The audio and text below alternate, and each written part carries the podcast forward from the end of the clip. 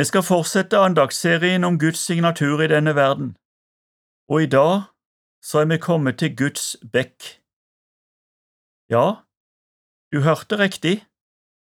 Temaet i dag er Guds bekk. Vi leser fra Salme 65, 10. Du har gjestet jorden og gitt den overflod, gjort den overmåte rik. Guds bekk er full av vann. Kjære gode Gud, jeg ber deg om at du åpenbarer dette ordet for oss, sånn at vi ikke begrenser det. Amen.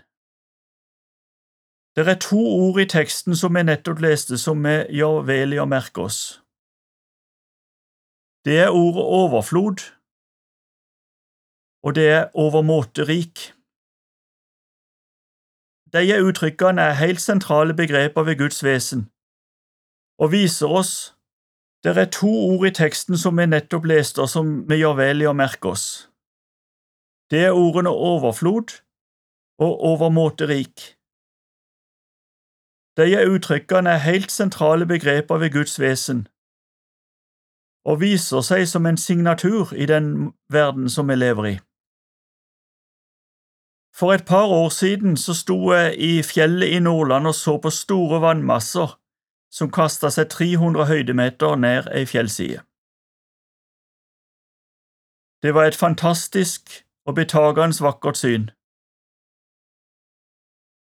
Dette var altså livgivende fjellvann av ypperste kvalitet, og tusenvis av liter i sekundet fylte på uten stans. Jeg gleda meg over synet av denne fossen de dagene jeg var der og det kom sterkt for meg, Guds bekk er full av vann. Fossen fortsatte å pøse vann etter jeg gikk tilbake til hverdagen, og den pøser vann mens jeg har denne andakten. Det vil liksom ingen ende ta.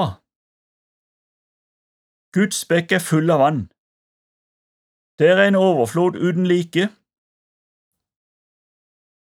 Selv om ikke et eneste menneske drikker av Guds bekk, så er den likevel full av vann. Bekken er et veldig godt bilde på hvordan Gud er. Vi mennesker kan ødelegge enormt for hverandre, men det er noe som vi må ta ansvar for sjøl.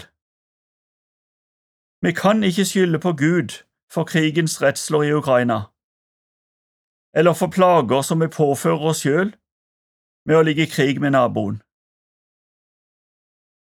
Gud har gitt mennesket fri vilje, og vi er ansvarlig for hvordan vi bruker den. Gud på sin side er en evig kilde til overflod og alt godt. Og det har jeg lyst til å gi noen eksempler fra Bibelen på akkurat det.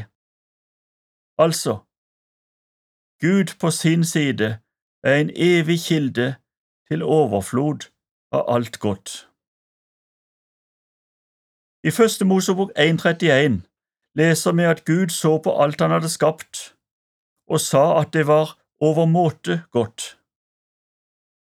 Skaperverket i sin uendelighet, med en ufattelig variasjon av rimmel, vitner om at Gud er overflodets Gud.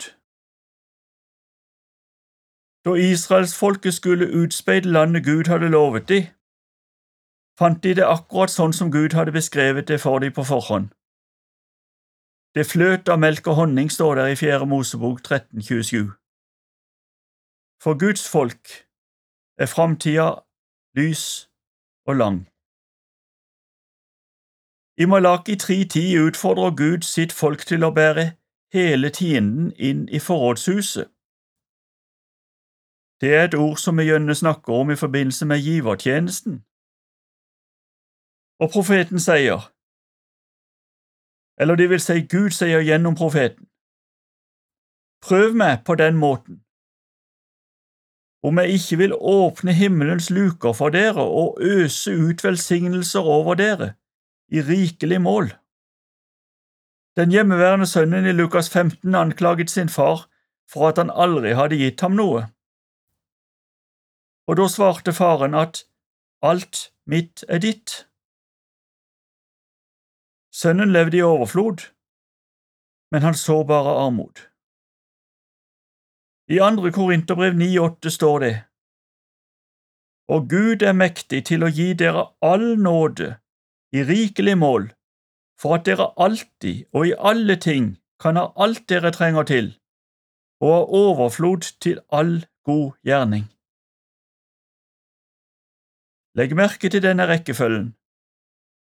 Først all nåde i rikelig mål, og deretter overflod til all god gjerning. Og dette beskriver ikke et unntak. Det er Guds standard. I 1861 skrev Lina Sandell O Jesus, åpne du mitt øye, at jeg, jeg må se hvor rik jeg er. Jeg har en Fader i det høye, som Fader om hu for meg bær. Jeg vil la dette være min bønn og min takk for dagen i dag og for framtida. Du har lyttet til Over en åpen bibel, og andakten var ved tidligere misjonær og fritidsforkynner Knut Olav Raen. Serien produseres av Norea Mediemisjon. Les mer om oss på norea.no.